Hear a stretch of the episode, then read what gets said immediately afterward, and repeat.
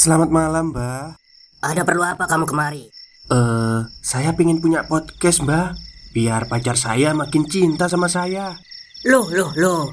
Mau bikin podcast kok tanya dukun? Sekarang kamu download aplikasi Anchor.fm. Di situ kamu bisa buat podcast gratis dan podcast kamu bisa didistribusikan ke platform mana pun. Dan di aplikasi atau website Anchor.fm juga terdapat fitur-fitur yang memudahkan kamu untuk membuat podcast. Oh, gitu ya, Mbak.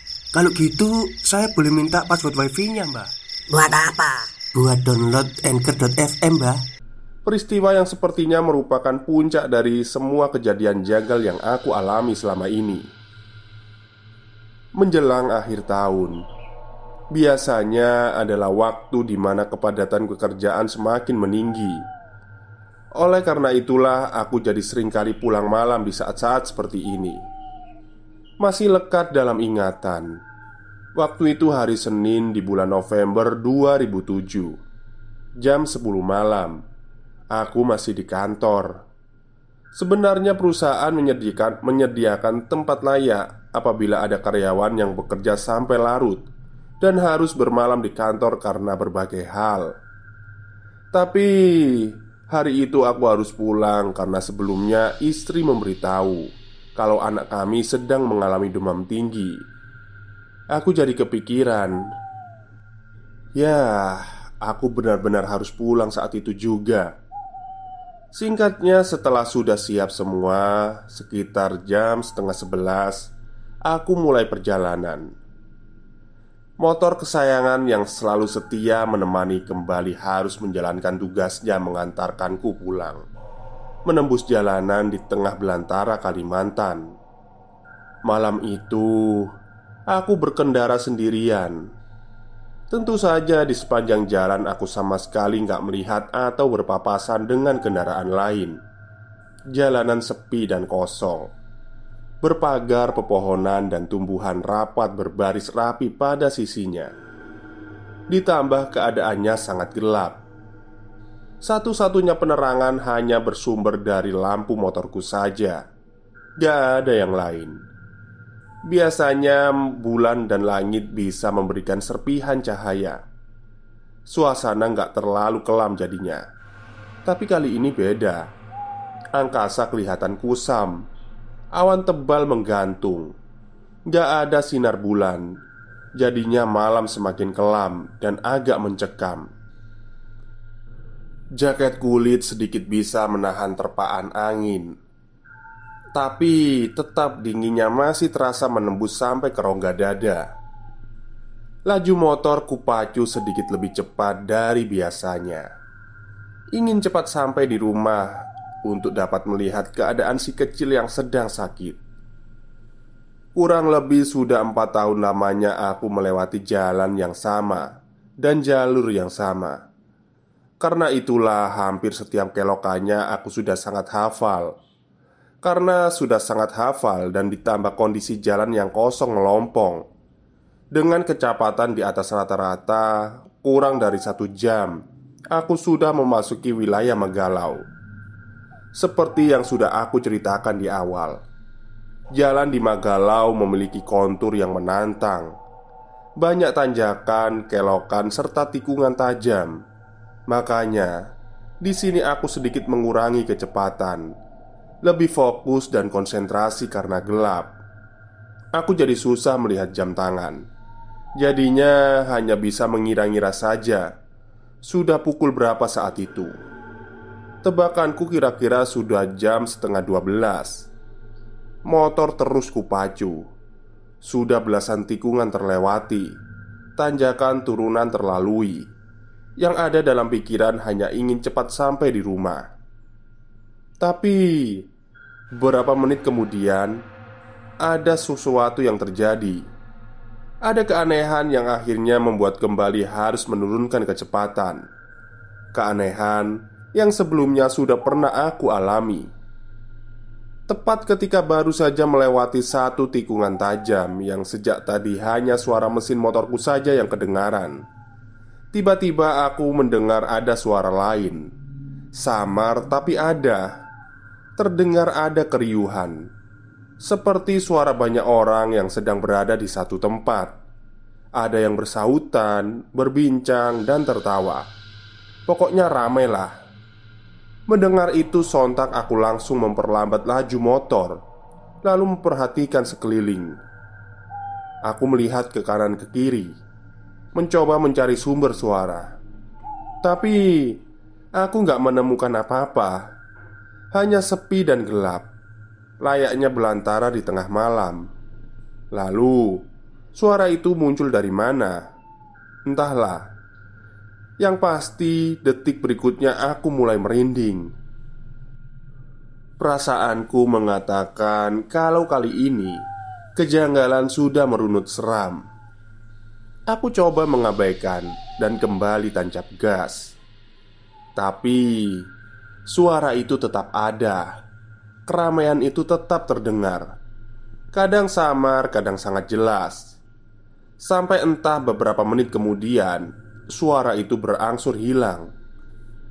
Aku kembali mempercepat laju motor, tapi ketenangan hanya sebentar. Berikutnya ada kejadian yang berbeda lagi.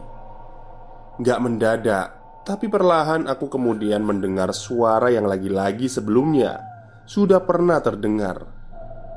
Ada dengungan. Aku bingung cara menggambarkan bunyi ini.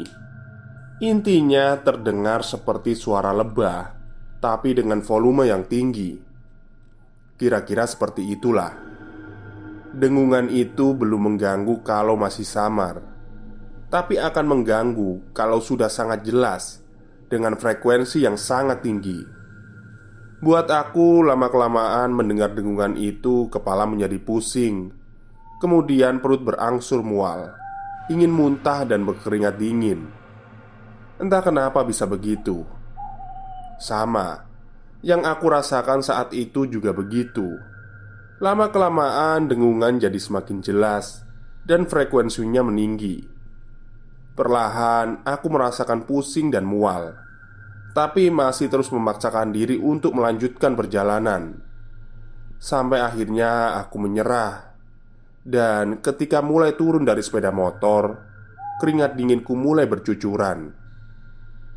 Aku tepikan motor, berhenti di sisi jalan membuka helm lalu menarik nafas panjang, mencoba menyerap oksigen sebanyak-banyaknya. Setelah itu, perlahan aku mulai pulih.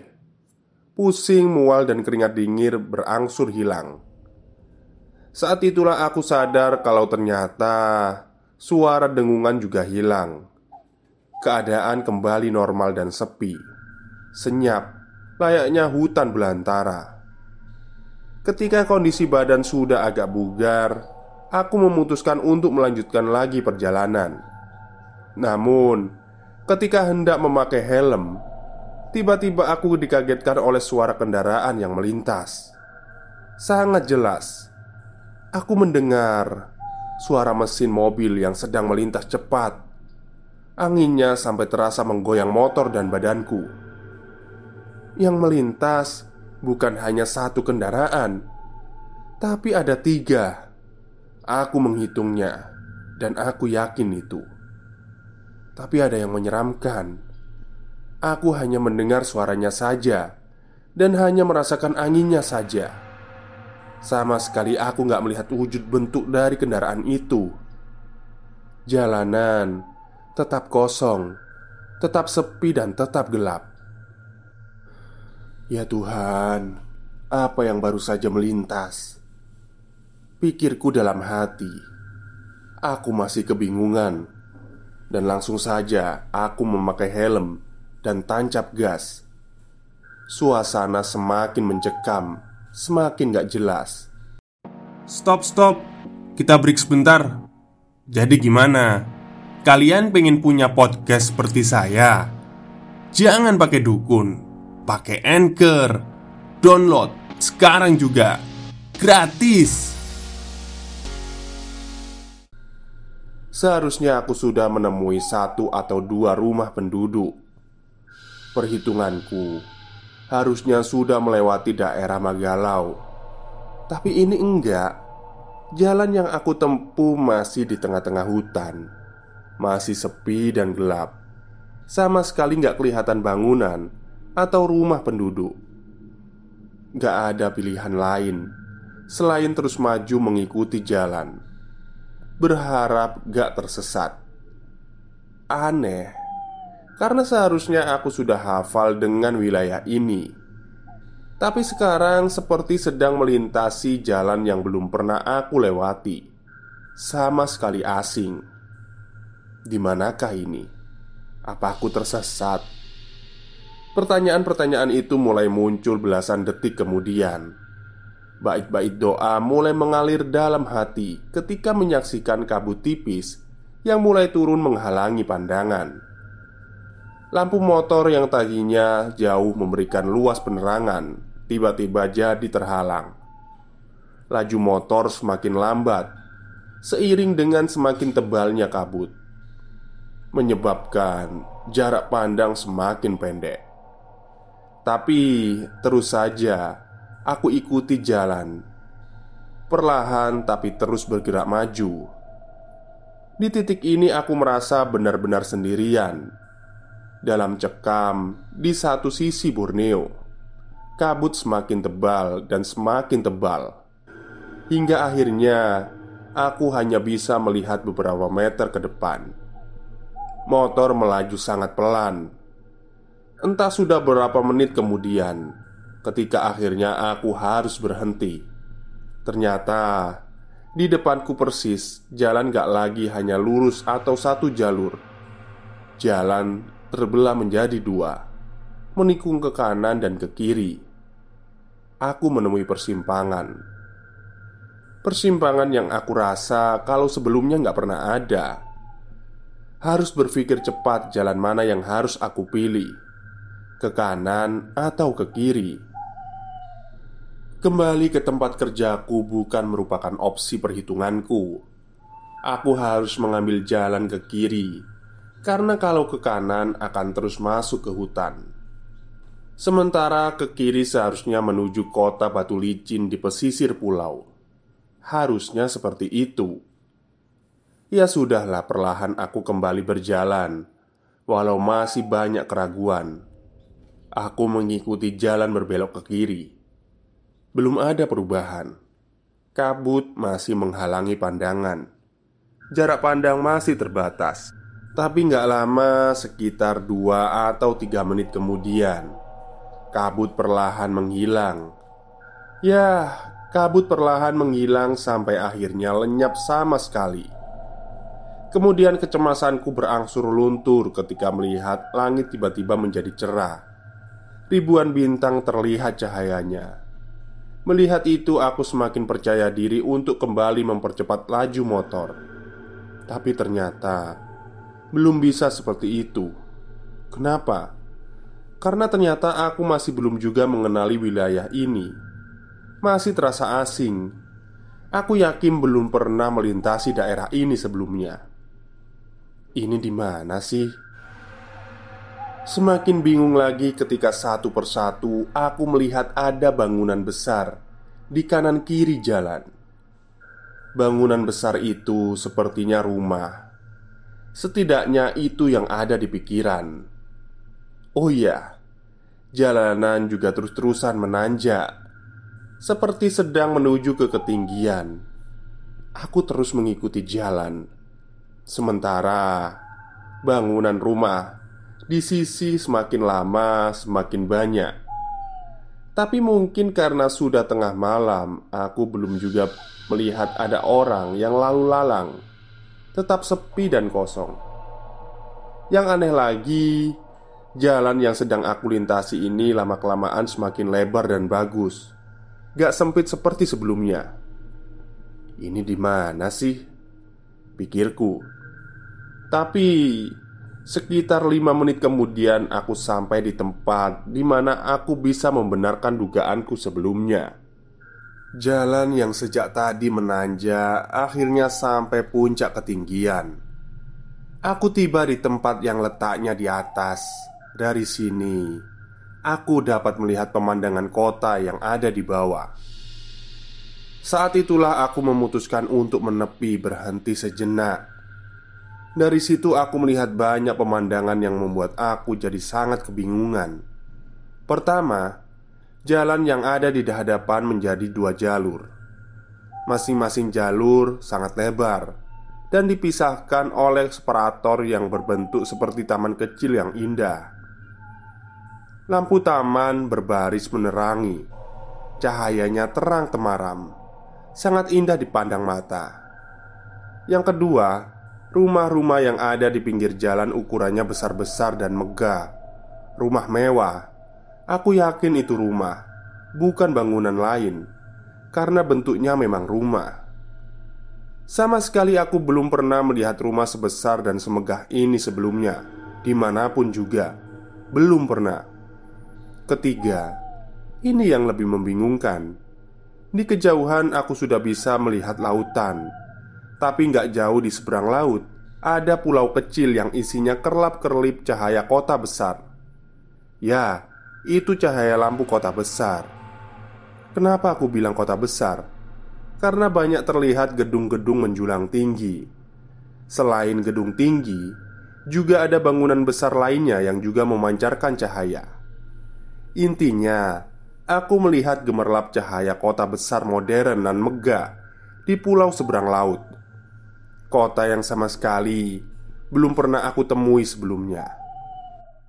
Di situ aku juga melihat beberapa kapal besar sedang melintasi di selat yang menghubungkan Pulau Kalimantan yang tengah aku pijak ini dengan pulau kecil gemerlap kelihatan ada kota modern di dalamnya. Dalam kebingungan, aku masih bisa sedikit mengambil kesimpulan. Seharusnya, kalau terus ikuti jalan ini, nanti di bawah akan sampai di batu licin. Begitu pikirku dalam hati, tapi masih ada yang mengganjal masih banyak keraguan, masih belum berani untuk meneruskan perjalanan. Sepinya malam seketika pecah ketika sekonyong-konyong melintas dua kendaraan mewah melaju dengan kecepatan sedang. Karena nggak melintas dengan cepat, aku jadi bisa melihat bentuk dua mobil itu dengan jelas. Wah, mobil mewah. Aku tahu kalau harganya mahal. Tapi kok bisa ada di sini? Eh, paman, paman mau ke mana? Aku kaget. Tiba-tiba sudah ada dua orang berdiri di sebelahku. Dua orang pemuda tampan yang menyapa ramah menggunakan bahasa Banjar.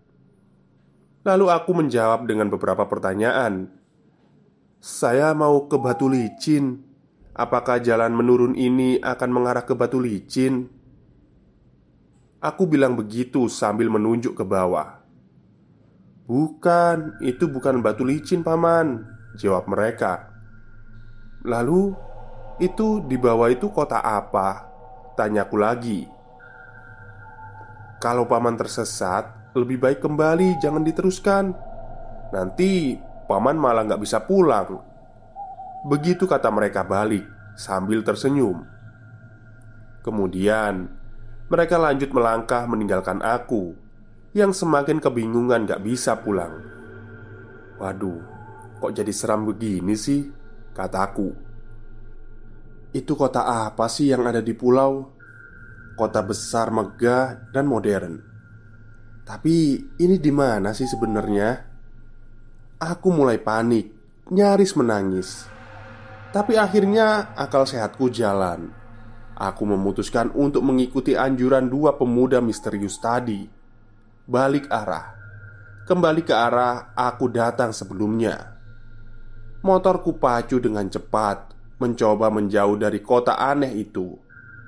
Melintas di jalan sebelumnya yang semakin lama semakin menyempit. Beberapa menit kemudian, perlahan turun kabut tipis, nyaris bersamaan dengan turunnya kabut Perlahan aku mendengar suara dengungan yang mengganggu itu lagi. Semakin lama frekuensinya semakin tinggi. Seperti sebelumnya, lama-kelamaan kepalaku menjadi pusing, perutku mual karena mendengar dengungan itu. Puncaknya keringat dingin mulai bercucuran dan aku nggak tahan lagi. aku menepi, dan kemudian aku tidak ingat apa-apa lagi. Keesokan paginya, aku tersadar di rumah salah satu penduduk. Ternyata sebelumnya aku ditemukan warga sedang tergeletak pingsan di pinggir jalan. Lokasinya sekitar satu jam dari batu licin. Gak lama-lama berbincang dengan penduduk yang ada di situ. Aku langsung pamit pulang, ingin melihat keadaan anak dan istriku. Peristiwa apakah yang aku alami semalam? Kota megah apa yang aku lihat dari kejauhan itu? Dan aku tersasar di tempat apa? Pertanyaan-pertanyaan yang sampai detik ini belum juga terjawab. Yang pasti, malam itu aku melihat ada kota megah yang berdiri di pulau kecil, gak jauh berseberangan dengan kota batu licin. Padahal sebelum dan sesudahnya aku gak pernah melihat itu semua. Gak pernah ada sampai sekarang lagi. Balik lagi ke gue, Bri Story. Masih banyak kisah aneh menjurus mistis di setiap sudut Indonesia. Satu persatu gue akan mencoba menceritakannya. Sekian untuk malam ini, tetap sehat supaya bisa terus merinding bareng. Semoga mimpi yang indah. Salam Bri. Oke, itulah akhir cerita dari tweet Twitternya Mas Bri Story ya Yang menceritakan tentang pengalaman yang dialami temannya yang bernama bernama siapa tadi? Alfian ya. Saat melintasi suatu jalur yang ada di Kalimantan. Kalau menurut saya bisa jadi itu adalah Pulau Atlantis ya. Ya, bisa jadi Mas Alfian ini nyasar di sebuah daerah Atlantis Tapi hanya sebentar gitu Karena kan menurut legenda Atlantis itu kan ada di Indonesia. Ya bisa jadi juga sih. Oke, mungkin itu saja yang bisa saya sampaikan pada siang hari ini. Kurang lebihnya saya mohon maaf. Wassalamualaikum warahmatullahi wabarakatuh.